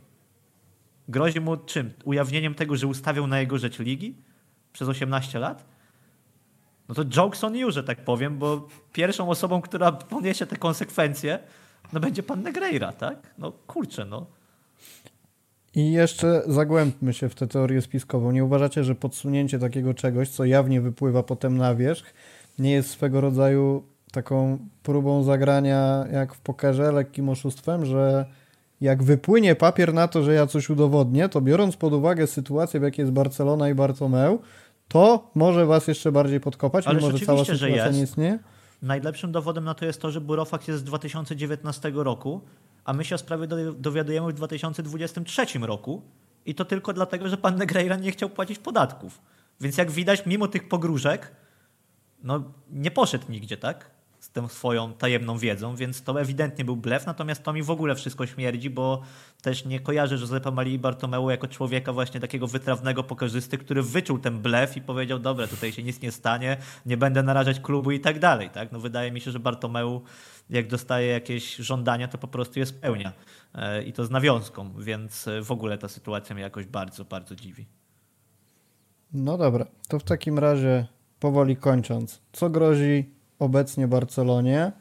Pozostając trochę oczywiście w tej sferze domysłów, bo na ten moment, na godzinę 19.42 20 lutego, fakty wskazują na to, że Barsa w świetle prawa jest niewinna. Natomiast co może się wydarzyć, żeby ucieszyć wielu przeciwników Barcelony i nie wiem, skazać, zdegradować, pozamykać, rozwiązać klub, wtrącić do lochu, cokolwiek? Musiałaby się może... wydarzyć droga karna. Po mhm. prostu, mówiąc to, wprost, tak? To może ja zacznę od tego, co już się dzieje, bo już oficjalne stanowisko Sewilli pokazuje, co będzie się działo, bo teraz sobie wyobraźcie e, pracę arbitrów, którzy w tym kontekście są w ogóle osadzeni. No? Mamy taką sytuację, w której sytuacja Barcelony jest trudna wizerunkowo i też każdy błąd na korzyść Barcelony, to już będzie zupełnie inaczej rozpatrywany niż było do tej pory. To jest troszkę podobna sytuacja do tego, jak ma postąpić arbiter, mieliśmy o tym nie rozmawiać, ale względem Viniciusa podczas spotkania, w którym jest wiele razy faulowany i sam ze swojej strony gdzieś przekracza, e, przekracza przepisy na tyle, że w zasadzie zasługiwałby na przykład na czerwoną kartkę. To jest, to jest sytuacja, w której ta presja rzeczywiście na arbitrów taka medialna e, może oddziaływać. I tutaj faktycznie, tak jak tutaj kolega, już nie pamiętam, Niku napisał, że podświadomie możesz podejmować decyzje na, e, na korzyść Barcelony, no to tutaj odwrotne zjawisko mogłoby się pojawić, że ta podświadomość działałaby szybciej niż ten umysł kontrolowany i jednak kurczę, może, może dam tą żółtą kartkę, mi na to nie wyglądało, ale potem powiedzą, że nie dałem nie? i że, że ja też byłem w tym wszystkim umoczony. Więc to są te pierwsze konsekwencje, które one już się będą, e, będą miały miejsce. Natomiast jeśli mówimy o kwestiach e, stricte prawnych, no to póki nie zobaczymy jakichś dowodów i przede wszystkim póki nie pojawi się sprawa karna, no to o czym my w ogóle możemy rozmawiać? Nie? No, Tutaj oczywiście... pełna, pełna zgoda, jeżeli chodzi o kwestie, o kwestie prawne, e, co bardzo, i to w ogóle też polecam, e, bo wszystkie artykuły hiszpańskiej prasy, jak się czyta je w oryginale, e, to są pisane na zasadzie co by mogło grozić Barcelonie, gdyby się okazało, że jednak coś tam robiła. Nie? To nie jest to samo, co grozi Barcelonie. Potem się tłumaczy w ten sposób dla uproszczenia. Natomiast to są artykuły pisane w ten sposób w oczywistym celu, bo żaden dziennikarz, jeżeli jest o zdrowym umyśle, to nie napisze na podstawie tych wszystkich informacji, że Barcelona kupowała mecze, bo e, mam nadzieję, że się spotka wtedy z e, ostrą reakcją ze strony klubu. Natomiast dopóki takiego postępowania nie ma, e, to oczywiście nie grozi nic, no bo nie ma postępowania. W momencie, w którym postępowanie się pojawi, to rzeczywiście no jest ta droga karna i tutaj można klub skazać. E, klub jako klub rzeczywiście można skazać, można skazać ewentualnie też członków, członków zarządu tych poszczególnych. Natomiast to jest przestępstwo, do którego, do którego w ogóle badania konieczna jest skarga. E, może być to skarga na przykład osoby prywatnej, na przykład e, socio jakiegoś innego klubu. Ja na przykład znam jednego socio innego klubu niż Barcelona z Polski, e, więc taka osoba mogłaby tę skargę złożyć i prokuratura powinna się tą sprawą rzeczywiście wtedy zająć. Natomiast ja oprócz tych konsekwencji, o których powiedział już Błażej, czyli konsekwencji takich wpływu rzeczywiście, czy trochę wizerunkowych, to też widzę oczywiście wizerunkowe konsekwencje, konsekwencje wizerunkowo-ekonomiczne. Barcelona w chwili obecnej jest w sytuacji takiej, w której żyje na kredyt e, i spłaca te kredyty według poszczególnych, według określonych odsetek, które są wyznaczane właśnie między innymi wiarygodnością klubu. Moim, I to zwłaszcza w przeddzień takiej operacji, która jest największą operacją w historii klubu, czyli przebudową Espai Barsa, e, to są gigantyczne kwoty. My mówimy tutaj o tym, że 1% tak naprawdę, wzrost o 1 punkt procentowy tych odsetek to może być wzrost o kilkadziesiąt milionów euro. Jeżeli chodzi o kwotę, którą Barcelona będzie miała do, do zwrotu. Więc to, to zło już się wydarzyło. I tutaj niezależnie od tego, czy jutro wyjdzie Negreira i powie, że nie, no tutaj nic się generalnie nie działo, prokuratura powie, że nic się nie działo, wyjdzie Florentino Perez i Javier Tebas i powiedzą, że Barcelona nikogo nigdy nie kupiła i mają na to dowody, to to zło już się wydarzyło tak czy siak. I ja o to jestem właśnie tak wkurzony, między innymi na, e, na zarządy tak, poszczególne. Bo to, że wiecie, że wizerunek klubu wśród kibiców, to, jest jedna kwestia, bo to, że nie wiem, kibice Realu na przykład na Twitterze będą pisać, że jesteśmy skorumpowani, to oni i tak będą pisać. Niezależnie od tego, czy będzie Negreira, czy będzie 50 Negreirów, czy nie było żadnego Negreiry, to i tak są tacy, którzy są przekonani, że ta liga jest skorumpowana od zawsze i nic tego przekonania nie zmieni, oni dostaje tylko oręż. Natomiast to ma wymierne skutki e, w kwestii sponsorskiej, to ma wymierne skutki w kwestii ekonomicznej właśnie w przypadku e, kosztu e, obsługi długu i odsetek, to ma wymierne skutki, tak jak Błażej powiedział, w kwestii sędziowskiej i tak dalej. Więc uważam, że to jest skrajna nieodpowiedzialność w najlepszym wypadku, jeżeli chodzi o zarząd i jest to tragiczna sytuacja. I przypomnijmy, że mówicie to nie z pozycji pierwszych lepszych kibiców, tylko jako socjo, co też jest istotne w tej kwestii, bo e, jesteście powiązani z klubem dużo bardziej gorącą, nazwijmy to, relacją niż Zmar e, inni. Zmarnotrawiono nasze pieniądze też, także tam e. za nasze pieniądze to kupowano, więc Słuchaj, braliśmy Juste, w tym udział w sumie, tak. nie? Pan Juste, członek pośrednio, zarządu... Pośrednio to, to, to, za to płaciliśmy, może też powinniśmy być skazani, nie? nie wiem, może to jest faktycznie ta ścieżka, nie? bo w sumie Albo raczej wybraliśmy. pieniądze. Ja bym powiedział w Reklamacji. Ale jeszcze bym dodał jedną rzecz, co prawda już e, z zakresu e, gdybania dużo, dużo dalszego, ale ja mam pewne obawy, czy UEFA nie będzie chciała tego wykorzystać. Nawet jeżeli to nie będzie jakaś forma zawieszenia, bo oni rzeczywiście mogą sobie na prędce coś e, zrobić i potem będzie się toczyło w sądzie przez lata, no ale gdzieś tam mam obawy, że coś takiego może się pojawić, choćby jako presja na Superligę na przykład, żeby Barcelona się z tej Superligi wycofała. Ale Superliga jest już rozwiązana. Nie wiem, czy nie słyszałeś, że no, ale wiesz, że wsparcie dla Superligi zostało wycofane po tej aferze. Tak czy siak uważam, że to może sabotować każdy projekt wyjścia z ramu UEFA może być teraz w tej chwili sabotowany bardzo skutecznie. Nie? Nie, nie, że ja, ja, oczywiście się śmieję, natomiast to rzecz jasna, bo Rafał wspomniał o tym, że Sevilla e, wydała komunikat. E, wydał komunikat oficjalny też Espanyol e, niedawno, e, potępiający i tak naprawdę też, jak sobie przeczytacie te komunikaty, to warto czytać właśnie między wierszami, że one są takie właśnie, żeby nie powiedzieć za dużo, tak? Na zasadzie wymagamy wyjaśnienia sprawy i tak dalej, i tak dalej, ale nikt tutaj naprawdę się nie wystawi i nie powie, że że zaszło coś więcej niż, niż wiadomo. Natomiast no, fakt, że nie ma komunikatu Realu Madryt na chwilę obecną, no to myślę, że e, właśnie wygląda, wynika no. wprost z tego sojuszu strategicznego między, między klubami. Nie wiem co na to. Mamy kibiców Realu na czacie, w związku z tym też jestem w sumie Zachęcam do opinii. Teraz Michał sobie pomyśl, nie? bo tak, tak już całkiem powiedzmy, że odchodzimy od tych faktów trochę i teraz sobie pomyśl, no jesteś faktycznie e, zarządzasz mniejszym klubem. No oczywiście, że wydanie takiego komunikatu jest dobrym pomysłem, bo choćby e, poprzez taki komunikat pośrednio wywierasz presję na arbitrów sędziujących swoje spotkania, bo to jest też forma, my tego nie będziemy tolerować i, i tak dalej, i tak będziemy zwracać na to uwagę. W ogóle to jest, jakie to jest oręż dla takich klubów, nie? To jest, to jest niepokojące.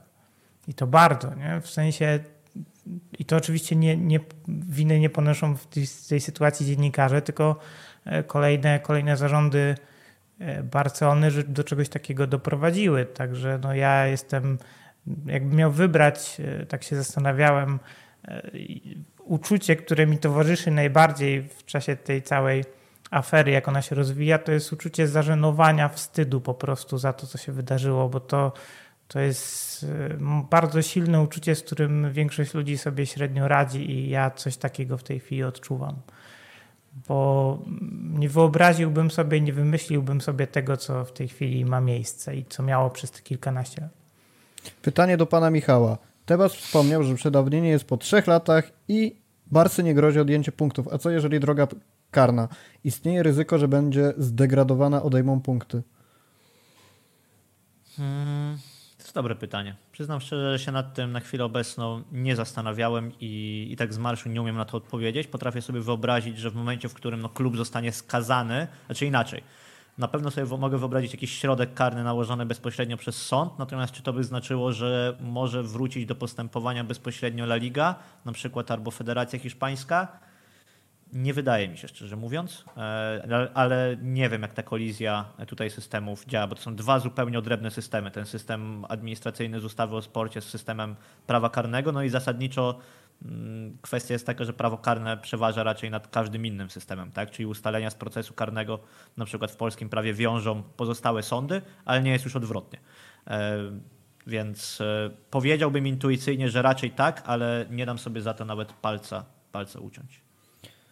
I kończąc, godzina 20 na zegarze, więc naprawdę kończąc, odnieśmy się do kwestii i też łącząc to z podsumowaniem. Kamil Szerszeń, jakie macie odczucia do całej sytuacji, nawet jeśli Barcelona nie zostanie ukarana, ukarana jak będziecie oceniać tę sytuację? Mam wrażenie, to jest następny komentarz, mam wrażenie, że kibice Realu, którzy domagają się wyjaśnienia sytuacji, są wyśmiewani, ponieważ nic Barcelonie nie można udowodnić. Ja myślę, że to A, jest nie, nie. błąd logiczny nie, w tym pytaniu, bo Barcelonie na razie nic nie udowodniono, to po pierwsze, oczywiście można udowodnić i my na to w sumie jako kibice Barcelony też czekają.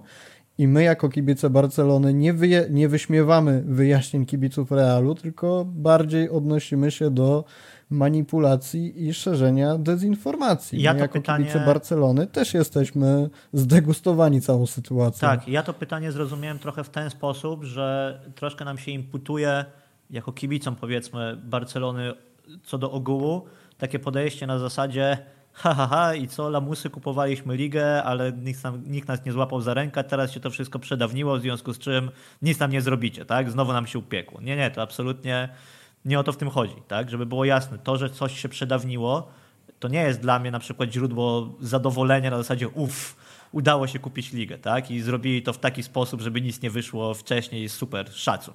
Nie, nie, absolutnie nie. Myślę, że mówiliśmy o tym już wielokrotnie, że, cała sytuacja jest skandalem. E, I jest to gigantyczna afera, jest to bardzo przykra sprawa. E, natomiast, e, tak jak mówię, no jej zakres na chwilę obecną, w sensie ja bardzo zazdroszczę ludziom, którzy mają taką zero-jedynkową wizję świata na zasadzie zatrudniasz firmę wiceszefa sędziów, ustawiłeś ligę. I nie ma nic, wiesz, nie ma nic pomiędzy. W sensie to jest prosty związek przyczynowo-skutkowy i nie zadajesz sobie pytań na zasadzie właśnie takiej, jak my tutaj to robiliśmy, jak to konkretnie miało funkcjonować i tak dalej, i tak dalej, i tak dalej. Ty już to wiesz na pewno i dalej dodajesz do tego, a skoro ustawiłeś ligę, to musisz z niej wylecieć. I to jest, wiesz, takie naprawdę bardzo proste e, i bardzo fajne, oczywiście bardzo kuszące, natomiast no, myślę, że my dlatego o tym rozmawiamy od godziny 20, e, bo jest to po prostu temat, który nie jest czarny, nie jest biały, jest szary niczym ta bluza generalnie i trochę tak to, tak to wygląda, tak? W sensie inaczej, żeby nie było, że teraz mówię, że tu się właściwie nic nie stało i nie wiadomo, czy to jest białe, czy czarne. Nie, nie, to, są, to jest jakiś odcień czarnego, tak myślę, można powiedzieć, natomiast nie wiem chyba jeszcze na chwilę obecną jaki. Jak to daleko poszło, ale na pewno jest to sprawa bardzo brzydka i śmierdząca. Błażej, chcesz coś dodać? Ja tylko dodam, może w ten sposób powiem, że generalnie najczęściej się mylimy e, w ocenie sytuacji wtedy, kiedy do faktów, które nie są e, logicznie spójne, a to jest taki przypadek moim zdaniem, staramy się dołożyć jakąś narrację, bo my jako ludzie, istoty rozumne, potrzebujemy tej narracji, nie akceptujemy sytuacji, która jest niewyjaśniona. Zawsze musimy sobie coś wyjaśnić, więc ta narracja jest czymś dla nas naturalnym i w związku z tym kibice Realu Madryt czy też antykibice Barcelony w dość naturalny sposób e, stworzyli sobie narrację, w której ta sytuacja Barcelony jest najgorsza z możliwych i bardzo łatwo sobie dokładać kolejne argumenty w postaci, nie wiem, sytuacji boiskowych poszczególnych, czy też liczby jedenastek podyktowanych, liczby czerwonych kartek i tak dalej, i tak dalej. Tworzymy piękną narrację, z której wynika, że mamy do czynienia z jakimś obrzydliwym klubem, który w swoim DNA ma oszustwa i tak naprawdę e, powinien zostać rozwiązany, no to jest coś pięknego, tak?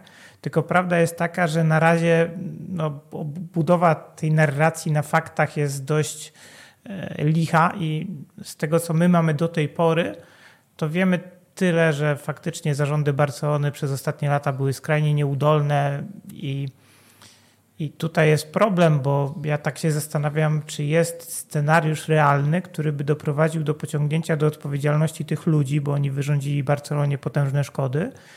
I czy my, jako Socios, możemy w jakiś, jakikolwiek sposób od, oczekiwać, że to się stanie, bo ja w tej chwili tego nie widzę. Ja zresztą e, mam wątpliwości, czy, mm, czy nawet będzie jakaś autorefleksja nad tym wszystkim, i po prostu mam obawy, że ta linia władzy, która była do tej pory, będzie kontynuowana, i to jest akurat najlepsza informacja, jaka może być dla kibica Realu Madryt, że będzie, bo ten rozjazd między tymi dwiema instytucjami, jakimi są Real Madryt i Barcelona, będzie coraz, coraz większy i niestety na niekorzyść Barcelony, jeżeli tu będzie w tym tak. kierunku cały czas podążać, więc tak naprawdę takie jest moje spojrzenie na tą sytuację. Ja jeszcze dodam tylko na koniec, że mam nieustający podziw dla wszystkich, którzy jeszcze się angażują e, w dyskusje twitterowe na zasadzie ping-ponga, czyli pokrzywdził Barcelonę, tu pokrzywdził Real, tu pokrzywdził Barcelonę, a tu pokrzywdził Real i tak w kółko. Ludzie kochani, w sensie... Przerzuć jeszcze raz, sędziami... bo skończyło się na pokrzywdził Real. Tak. Z tymi sędziami e, w Hiszpanii naprawdę, w sensie jesteś w stanie udowodnić każdą dowolną tezę. Jeżeli my mówimy o 18 latach, 18 latach, w każdym z tych 18 lat i Barcelona i Real zagrały po prawie 40 meczów. Ja nawet sobie nie potrafię wyobrazić, ile padło błędów w tych spotkaniach. I jeżeli ktoś myśli, okay, niech będzie, jeżeli ktoś naprawdę chce pomyśleć, że dlatego były te błędy, bo wtedy Barcelona przykupowała i tak dalej, a te błędy przeciwko Barcelonie to były dla niepoznaki, to niech sobie odwinie najnowsze sezony. Gdy pana Negreiry już nie było, gdy dotarło coś takiego jak VAR i niech mi powie, że teraz nie ma błędów w Hiszpanii w jedną i w drugą stronę. Naprawdę. W sensie, nie wiem, naprawdę nie wiem, czego dowodem ma być to, że ktoś się pomylił w jakimś meczu na korzyść czy na niekorzyść kogoś, bo oni się po prostu mylą. Dokładnie. Tyle, jeszcze, jeszcze, tylko, jeszcze tylko mi się przypomniała sprawa tej nieuznanej bramki e, z Betisem, bo ja ją też wrzuciłem na Twittera i sobie pomyślałem, no, że każdy zrozumie intencję, że to jest forma żartu. A okazało się później, że moją intencją była próba obrony klubu poprzez podanie przykładu, którym jest jedna nieuznana bramka. To jest mniej więcej taka forma dyskusji, nie? gdzie formę żartu, gdzie mówimy o reklamacji e, składanej, bo jednak to nie wszystko działało jak należy, jest odczytywana jako mizerna argumentacja tego, że tak naprawdę było dokładnie przeciwnie i Barcelona była krzywdzona. No, po prostu tak, to tak to trochę samo, wygląda. Nie? To samo z tym Laozem, o którym ja dzisiaj mówiłem, bo mi też nie chodzi o to, że taki błąd by się nie mógł wydarzyć, ale ja bardziej zmierzam nie do tego, że ten błąd się nie wydarzył, tylko że potem Laoza za to nie spotkały żadne konsekwencje, tak? Czyli ten wszechmocny Negreira, który miał wszystko ustawiać i pilnować, że Barcelonie się nie stała krzywda, no tak w końcu się stała największa możliwa krzywda, jaką sobie mogę wyobrazić, czyli przegrywasz po oczywistym błędzie mistrzostwo w bezpośrednim meczu w ostatniej kolejce ligowej, nic mu nie zrobił. Po prostu. Jeszcze tylko na koniec odejdę trochę od tego tematu i, i, i, chciałbym zwrócić na jedną rzecz uwagę, że jeżeli jakiś klub, i to znów pokazuje trochę nieudolność Barcelony, lepiej rozumie pracę każdego arbitra w trakcie meczu, to na pewno nie jest to Barcelona Real zdecydowanie lepiej to rozumie i wie, u, którego sędziego można zagrać ostrzej i można sobie pozwolić na więcej rzeczy, zwłaszcza we własnym polu karnym, a Barcelona to wręcz przeciwnie, bo ile my oglądaliśmy takich jedenastek, gdzie Longle ledwo kogoś pociągnął i był karny, albo Eric Garcia zrobił coś dokładnie podobnego u jakiegoś arbitra, a ile takich sytuacji mieliśmy e, w polu karnym Realu Madryt. To tylko pokazuje, że jeśli chodzi o jakiekolwiek doradztwo, jeżeli ono występuje, to jednak w stolicy jest na dużo wyższym poziomie. Tak Zabrakło mi w podsumowaniu o tym, ile ciągle traci La Liga, zamieszanie z, poz- z poziomem sędziowania, afera Barcelony, CVC, rasizm, powiązania piky, organizacja Superpucharu, Perez, cyrk pod tytułem Superliga. Panowie, myślę, że musimy w takim razie zrobić dogrywkę tego podcastu i no co, następna, następna godzinka, lecimy, jesteście gotowi? Tak, i potem jeszcze zapowiedź Manchester United.